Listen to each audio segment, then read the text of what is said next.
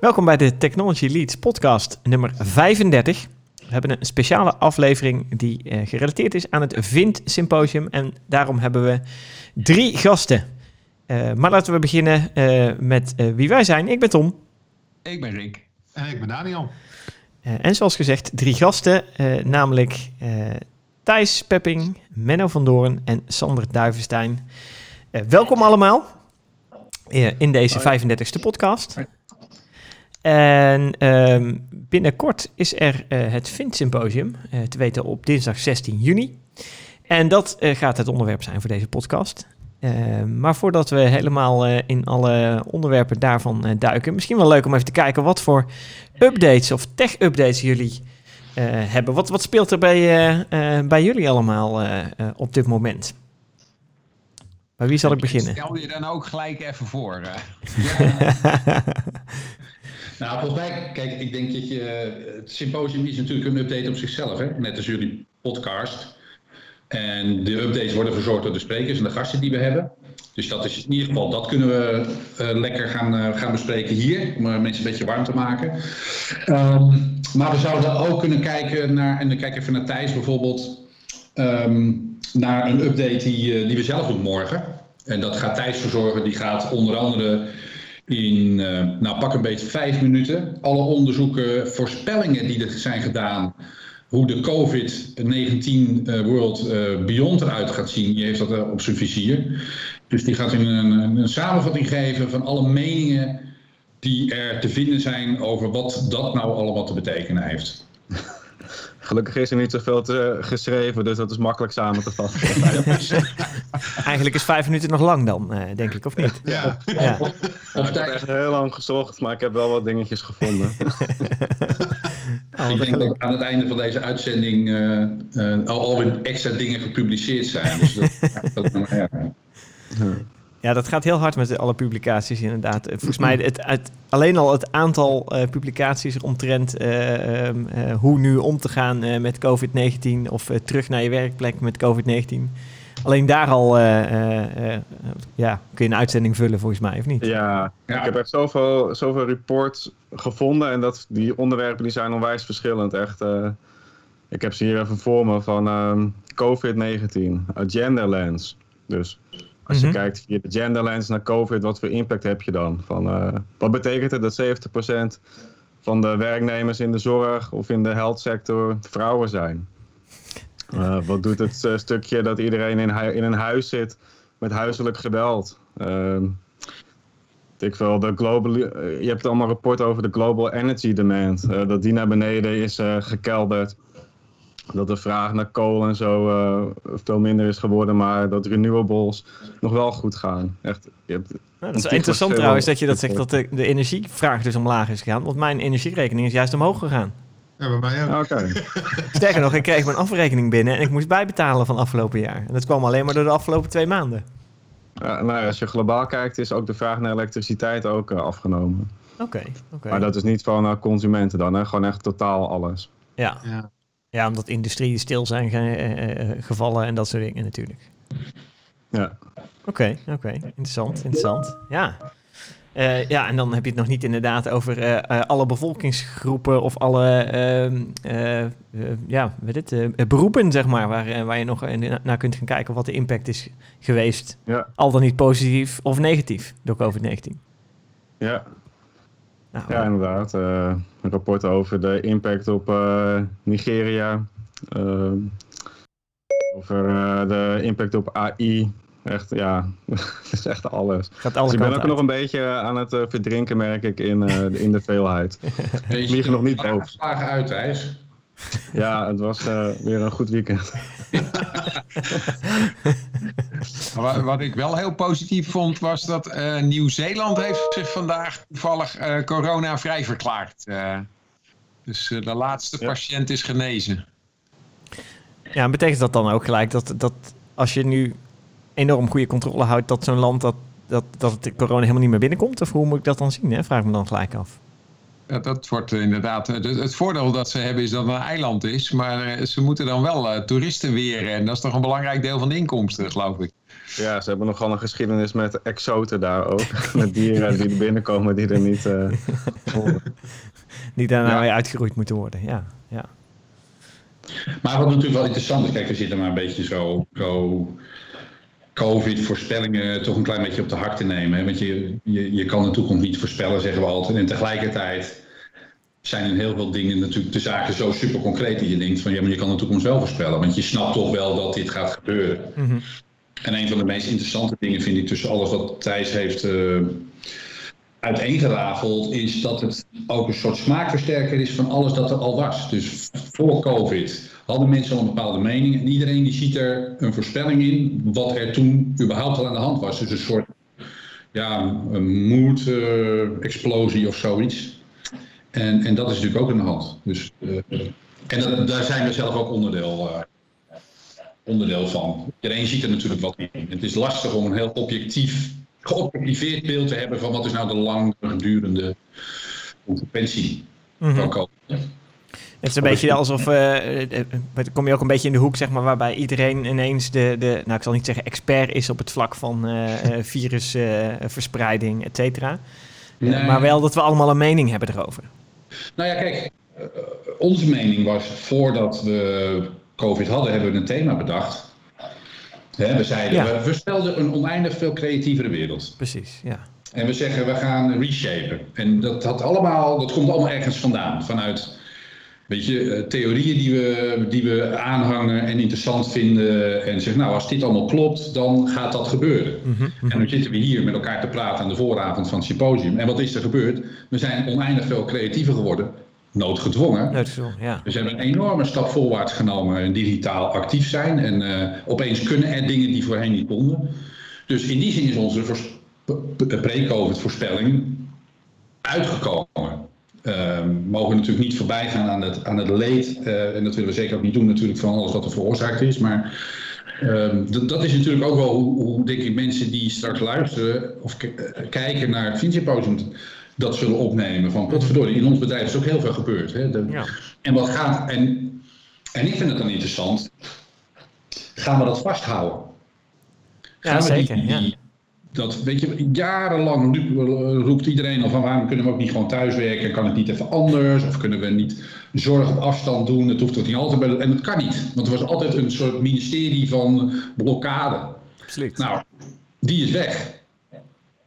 En de vraag is, gaat die terugkomen? Ik bedoel, het argument van die mensen is wel heel erg geërodeerd. Het kan niet. Ja, ja zeker. Het is nu bewezen dat het wel kan, zeg maar. Het bewijs is geleverd dat je, uh, hoe lang? Uh, twee maanden vanuit huis uh, ja, toch bijna alle terrein kunt houden. Ja, ik, nou, ik las een stuk in de Volkskrant over de zorgsector. Waarbij, waarbij internisten ook zeggen, ja, we kunnen makkelijk de helft van de mensen ook op afstand doen. Het Zeker. Werkt Weet je? En dat vind ik, en dat is toch een beetje wat wij mee gaan nemen. Dus we hebben eigenlijk precies hetzelfde thema gehouden. Gezegd, jongens, wel relevant. Maar we hebben daar aan toegevoegd. We willen eigenlijk een soort agenda van de New Possible opbouwen. Wat, je kan op heel veel manieren kijken wat er nu aan de hand is. Maar wat is er nu nieuw mogelijk geworden? En laten we vanuit dat perspectief van wat er nieuw mogelijk is, is gewoon een aantal mensen ondervragen. Ja, en eh, kijken of dat uh, nou, weer inspiratie oplevert. En, uh, dat zal ongetwijfeld. We kennen, het zijn hele goede sprekers. En, ja. Maar dus ja, bewust deze insteek, maar we hebben wel de New Possible eraan aan toegevoegd. Oké. Mhm. Wat, ik wel interessant vind, is wel, je had het net over inderdaad een stuk creativiteit, hè, de oneindige creativiteit, wat natuurlijk een van de topics uh, al, al, was, inderdaad. Uh, en dat we nu juist heel creatief geworden zijn, uh, noodgedwongen, hè, zei je net. Um, maar volgens mij zat er ook in het onderwerp juist dat die creativiteit door machines gegenereerd wordt. En uh, de creativiteit die we nu uh, ervaren is, is mensgedreven toch meer, niet? Mm -hmm. Ja, ja, kijk, hier, hier kan je natuurlijk ook zeggen, uh, wat een zegen is het eigenlijk, dat, of een timing, dat er een doorbraak is van machinecreativiteit, juist op een moment dat we het uh, heel hard nodig hebben. Nodig hebt, ja, ja. Dat je het kunt gebruiken, zeg maar. Dat je naast wat je zelf kan bedenken. ja Kijk, we vieren een dubbel feestje. Het andere feestje is dat we ons rapport uh, officieel lanceren morgen. Mhm. Oh, sorry, uh, op het Vint Symposium. Ik denk altijd dat het morgen is. Dus. Voelt als morgen. ben je goed voorbereid? ja. ja. Nou, dat is misschien goed om even te noemen wanneer het is dan. Dat is 16 juni, hè? Ja, 16 juni. Zeker. En hier gaat uh, dus, dus uh, we gaan het natuurlijk even toelichten. En dat was eigenlijk ook een toeval dat het openingsverhaal in ons nieuwe rapport over computercreativiteit, dat gaat over twee bedrijven die op zoek zijn naar manieren om AI te zetten, in te zetten om medicijnen te ontdekken. Ah, ja. Die twee bedrijven, die hadden we natuurlijk al op het vizier. We hebben er weer contact mee gezocht en die zijn allebei bezig nu met het vinden van het zoeken van een oplossing voor, uh, voor, voor COVID. En dan wordt het weer natuurlijk, ja, dan wordt het weer super actueel. Maar dan denk ik ook dat mensen makkelijker. Ik bedoel, er is altijd zo'n AI, oh jeetje, weet je wel. Uh, zij worden creatief en dat, daar gaan wij als mensheid. Maar het is echt en en. Ik denk dat Thijs het beter nog uit kan leggen, want die gaat dat stukje ook even toelichten op het symposium. Ik had maar, of dat gesprek met die ja. uh, CEO die jij had uh, voorgesteld van Ictos. Dat is een Frans bedrijf dat generative AI gebruikt om een medicijn te vinden die gebruikt kan worden bij de behandeling van COVID-patiënten. Nou, dat is echt super interessant, want ze gebruiken dus die creatieve computer om nieuwe moleculen te vinden. En dat had ik vanochtend geleerd. Ze gebruiken ook zulke soort technologie om vervolgens te kijken van hoe kun je die moleculen ook daadwerkelijk uh, uh, synthetiseren. Ah. Dus echt maken. Dus en het, en het vinden van het juiste molecuul en die, uh, hoe noem je dat, uh, beoordelen op verschillende parameters van hoe goed die dan werkt. En vervolgens ook van hoe maak je die. Die, die gebruiken die technologie waar Menno het over heeft. Want het is anders zo. Dat, normaal, traditioneel gezien is het zo dat je nou, misschien wel op zoek gaat naar de molecuul die gaat werken, of het, het stofje dat gaat werken, zeg maar, hè, als medicijn. Maar dat je dan daarnaast moet gaan kijken waar komt het in de natuur voor of waar kan ik het uithalen. En nu ga je gewoon meteen kijken hoe kan ik het synthetisch, ja, echt als Lego-blokjes in elkaar klikken. Ja. ja. Oh, dat is wel inderdaad wel een versnelling uh, uh, door creativiteit dan, uh, die, hier, die hier gebruikt wordt. Ja. Gaaf, gaaf. Ja, cool. Wat ik me afvroeg, hè, hoe zijn jullie dit soort uh, mensen eigenlijk op het spoor gekomen? Dit soort mensen? Nou ja, de sprekers heb je het dan over, denk ik. Op het Vinsymposium een heel rijke schakering aan sprekers. Ja. Met allerlei, uh, ja, voor mij best wel bijzondere achtergronden. En dan, dan vraag ik me wel af van uh, waar vind je die? Of hoe, hoe kom je die mensen tegen? Of hoe zoek je ze op? Nou, ik, dat, het is een beetje, team, nou, een beetje het is teamwerk bij ons. Dus uh, ik kan me bijvoorbeeld, Sander die komt aan met, uh, volgens mij was ja, Sander, dat ik weet niet zeker meer, al een hele tijd geleden, met een boek Next Nature van Koert van Mensvoort. En die is dan super enthousiast. En die zegt, joh, moeten jullie ook lezen? Dus wij gaan allemaal het boek lezen. En ja, we nemen gewoon contact met Koert, weet je. Dat, dat, dat liep al een paar maanden geleden zo. Dus dan is dat uh, vanuit de inspiratie van iemand die zegt: jongens, dit is echt, hier moet weg naar kijken. Of een Paul Isken, die ken ik al heel lang. Ik heb iedere keer het idee van die moet een keer op dat symposium staan. En dan, nou, nu komt het heel mooi uit, omdat we de, datgene wat hij onderzoekt zo mooi past bij wat wij willen vertellen. En zo is dat per spreker zo. Dus Charlotte van het Woud, hadden we vorig jaar. Maar weet je, um, Ieder, iedere spreker heeft een verhaal, maar het is, ja, het is heel moeilijk uit te leggen hoe we het doen. We hebben er geen wetenschappelijke aanpak voor, methode. Het is echt het elkaar beïnvloeden, denk ik. En, en inspiratie. Sander of ik of Thijs, het gedurende het weekend stuurde artikeltjes. Heb je dat gezien of een videofilmpje, weet je wel. Dat is gewoon een ongoing flow. En of er nou wel of niet een symposium is, dat maakt niet uit. Dit doen we altijd. Deze gekte met elkaar delen doen we altijd. En als iedereen erop induikt, dan weet je zeker van dat is gaaf. En die persoon die willen we, die zetten we dan op onze, onze wishlist. Zo moet je het een beetje zien. Ah, oké. Okay. Cool. Ja, ja. Hoe, hoe lang duurt het uh, Symposium dit keer? Want normaal is het een hele dag. Ja, we gaan het 2,5 uur doen. 2,5 uur, oké. En dat is volgens mij in de ochtend, hè? Ja, van uh, begin om 10 uur. Begin ja. om 10 uur. Okay. Twee korte pauzes zitten erin. We gaan nog met een panel werken. Uh, ja, ik, als ik mijn ogen dicht doe, zie ik het, zie ik het zo voor me. En het gaat gewoon allemaal eh, vanuit huis, denk ik dan, of niet? Die- eh, Iedereen doet dit gewoon vanuit huis straks. Ook, ook jullie, zeg maar. Of, of eh, eh, hoe, hoe moet ik me dat voor, voor me zien? Nee, ehm, wij zitten met een groot aantal sprekers zitten in het spand. Ah, oké, oké. Oh, jullie zitten Ja, wel ja, gewoon ja. in het spand. Wat leuk. Ja, Kijk, kijk, kijk. Dus een vertrouwde omgeving, toch? ja, ik hoop dat dat ons, eh, weet ik wel, wat extra's brengt, laat ik het zo zeggen. Mhm. En eh, het heeft wel voordelen ook om wel fysiek bij elkaar te zijn als je dit gaat uitzenden. Ja. Dus eh, nee, we hebben daar een, eh, een, een, een soort scène op het toneel gebouwd. En nou, dat gaan mensen zien. De Leuk. 16 er aanschakelen.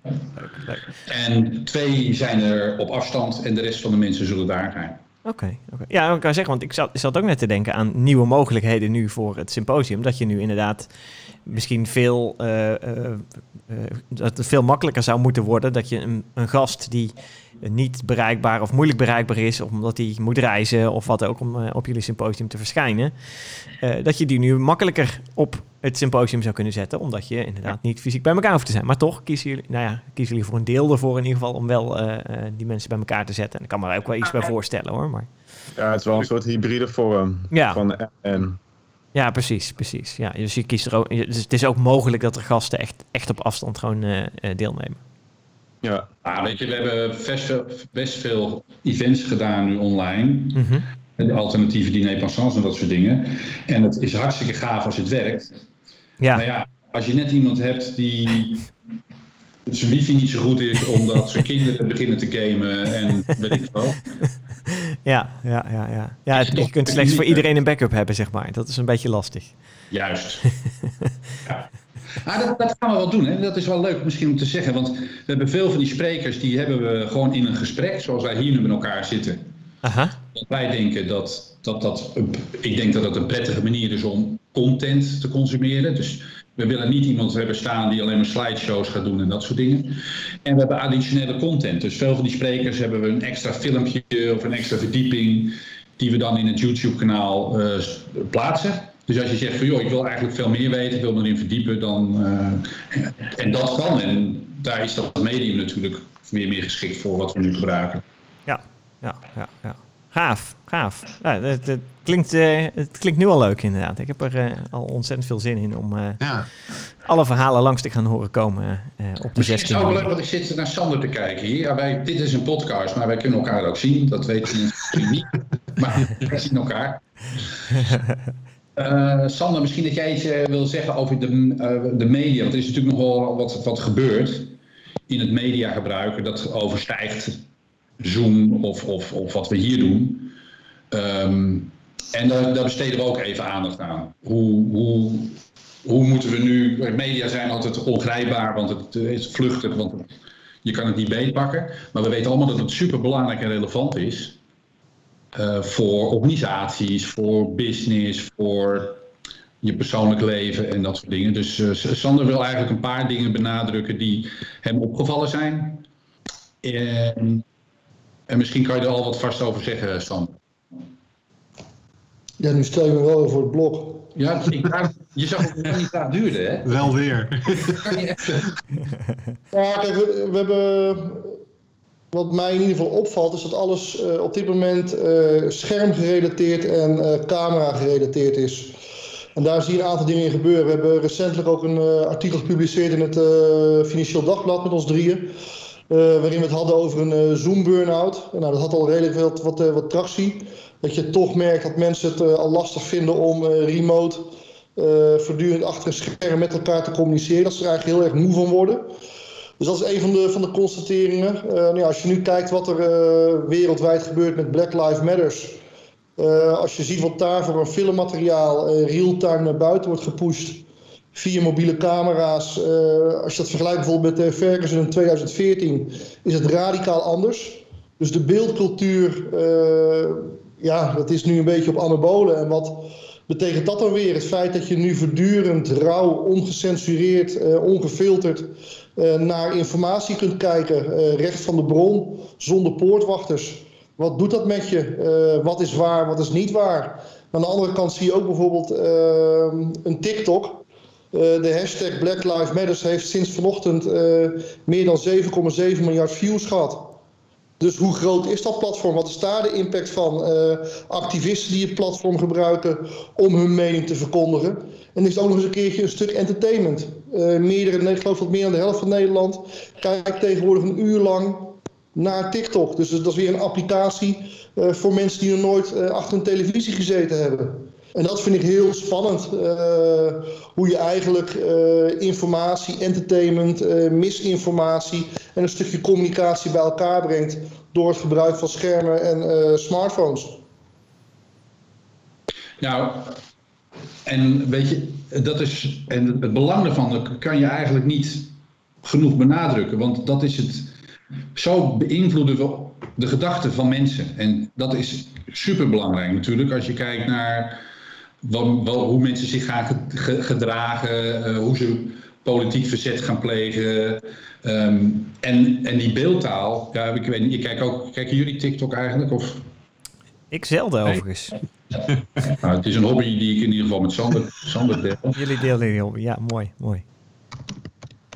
Maar ik denk dat, dat de, misschien wel de, nou niet de verborgen, expliciete boodschap daarvan is van aan bedrijven. Doe ook veel meer met die beeldtaal. He, want ik, nog staan heel veel organisaties, misschien wel allemaal, nog veel te veel met twee benen in de tekstcultuur. En in, in ja, zenden en niet nadenken over hoe dingen viraal gaan. En um, ja, hoe je waarneemt en hoe je beelden waarneemt. En wat dat ja, met jou doet en hoe dat jou beïnvloedt. Daar veel meer kennis van gebouwd worden. Ik, ik, vond op dat punt het al interessant dat, dat onze eigen CEO uh, na twee of drie webcasts uh, opmerkte van god, dit werkt eigenlijk best wel goed om zo met het hele bedrijf te communiceren. Moeten we misschien maar blijven doen. Ja. ja. Ja, dat is... Of hadden we misschien eerder moeten doen, hè?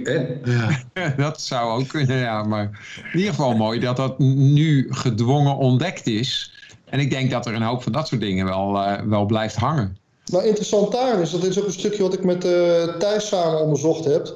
Je maakt eigenlijk een soort van parasociale relatie met je CEO. En terwijl onze CEO voor een hele hoop mensen uh, ja, toch lastig bereikbaar is, bereikt nu dankzij dit medium, dankzij deze beeldcultuur, dankzij deze beeldtaal, een hele hoop mensen uh, in hun eigen huiskamer.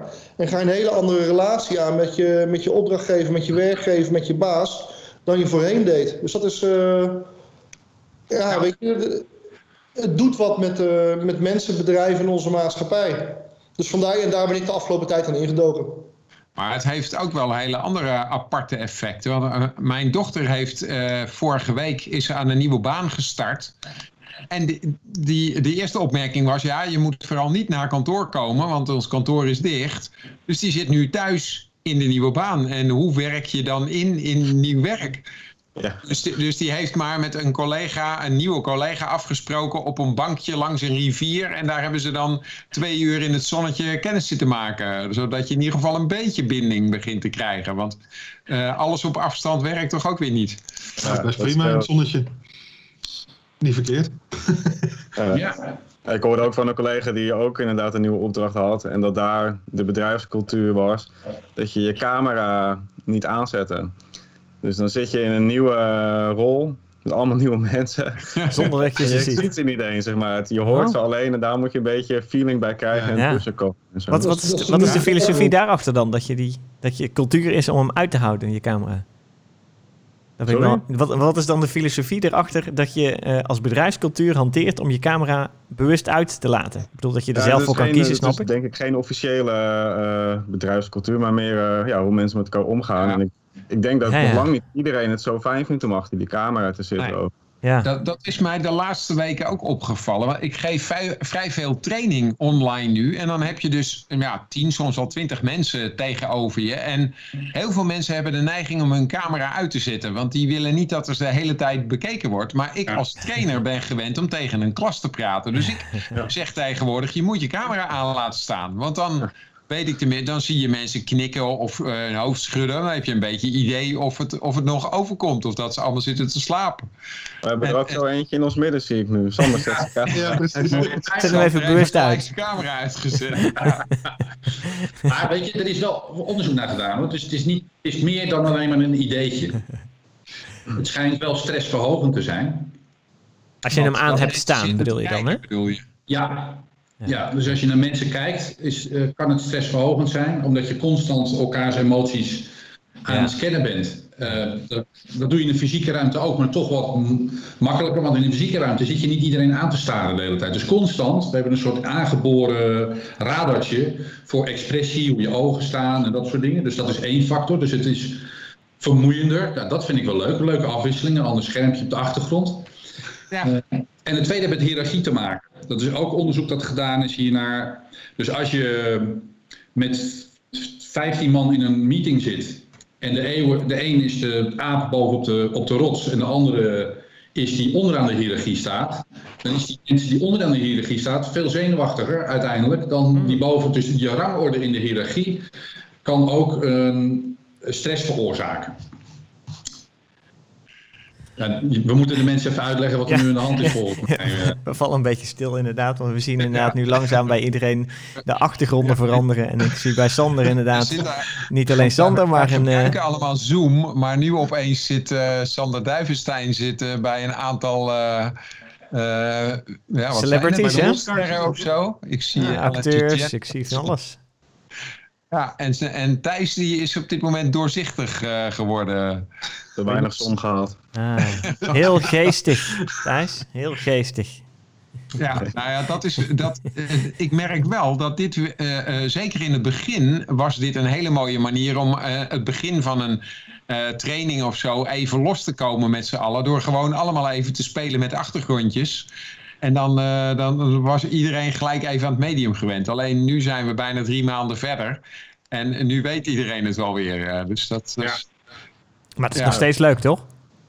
nou, soms wel, maar eh,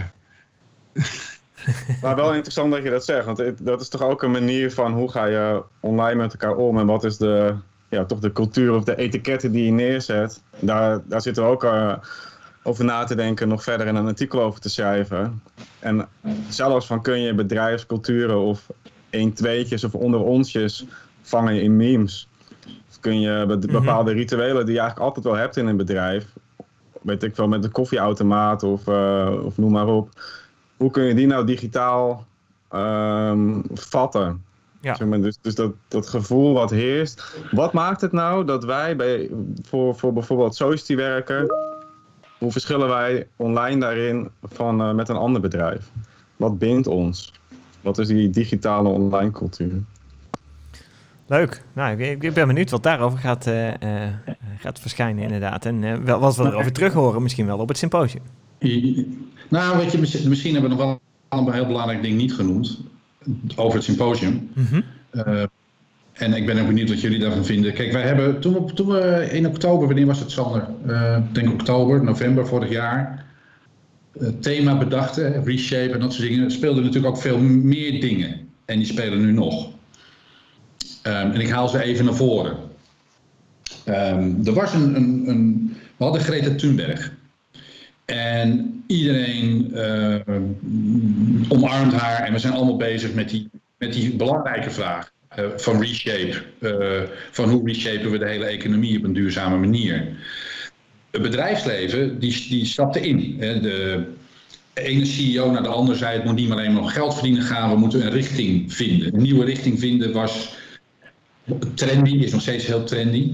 Dus dat fenomeen hadden we. We, hadden zelf, hebben zelfs de, de CEO van Volkswagen, die heeft gezegd, ik, we moeten een agressieve milieuactivist aannemen om de bedrijfscultuur omver te gooien. Nou, hoe ver wil je gaan? Dus, dus eigenlijk, en, en daar komt een beetje ons sikke neuren vandaan, ehm, over het nieuwe normaal. Eigenlijk kun je zeggen, het oude normaal was niet normaal, want iedereen had dat afgeschreven. Hè, voor COVID We hebben gezegd, jongens, we moeten iets nieuws. Dus... En het nieuwe normaal, nou ja, ik weet niet hoe lang we hebben, maar ik kan, dit is niet normaal waar we nu in zitten. Om, op de, de politiek is de weg kwijt, wij spreken, er zijn allerlei dingen aan de hand. Ehm, dus het hele woord normaal is, daar moeten we eigenlijk gewoon nooit niet meer gebruiken in deze context. Zowel niet voor het nieuwe normaal als het oude normaal. Maar wij denken dat dus wat we nu meemaken wel een, een, een versnelling geeft. Ook omdat alles wat er al was voor COVID sneller te realiseren. Dus de Greta Thunberg is nog steeds. De bedrijven zijn nog steeds de weg kwijt. Hè? Eh, op zoek naar nieuwe zingeving, een nieuw vormgeven waarvan ze staan. En het is heel lastig om nu naar die medewerkers terug te gaan en zeggen van jongens, we gaan alleen maar weer voor de winst. Want er is zoveel in, in de kopjes gebeurd ook bij iedereen. Dus dat vind ik eigenlijk misschien nog wel de belangrijkste vraag die we zelf moeten stellen. Hoe, hoe zijn we in staat met alle creativiteit die, die we aan de orde stellen, met alle machinecreativiteit en al die dingen, om het een wending te geven ten goede. Hè, van een, een, betere wereld, een, een, een, zinvollere wereld, dan wanneer we even die klok terugdraaien en wisten dat we op een muur aan het af, afvliegen waren van een economie die niet uh, uh, duurzaam is. Mhm. Nou, dat wil ik toch wel even benoemen, want ik denk als je die 2,5 uur straks hebt gehad, dat je zal zien dat er heel veel van die elementen uh, terugkomen in de gesprekken die we hebben met, met, onze, met onze gasten. Mooi, gaaf. Nou, het ja. lijkt me ook een, een prima moment om uh, nou, dit inkijkje die we, wat we nu gehad hebben in uh, wat er op ons af gaat komen op het Vint Symposium mee af te ronden. Uh, uh, ik denk dat uh, het enige wat ons nog rest is iedereen nogmaals uit te nodigen voor het online Event Symposium op 16 juni, dinsdag 16 juni. 10 uur gaat het beginnen. Nou, schrijf je in en ben erbij, zou ik zeggen. En ik ja. denk dat het misschien wel leuk is om na afloop, of in ieder geval in de dagen daarna, nog eens even met jullie waar mogelijk terug te kijken naar het Event Symposium en te zien wat we dan allemaal gehoord hebben en het daar nog eens even kort uh, uh, over te hebben. -hmm. Ja, maar volgens mij staat de afspraak. Zo, zo is dat. Zo is dat. We, ja. gaan, uh, we gaan het uitgebreid nabespreken en nou, dat kunnen onze luisteraars dan ook weer, weer meepakken natuurlijk na het symposium. Yes. Oké, okay. dank jullie allemaal. dank luisteraars. en ik zou zeggen tot de volgende podcast. Ja, tot de volgende keer. Hoi.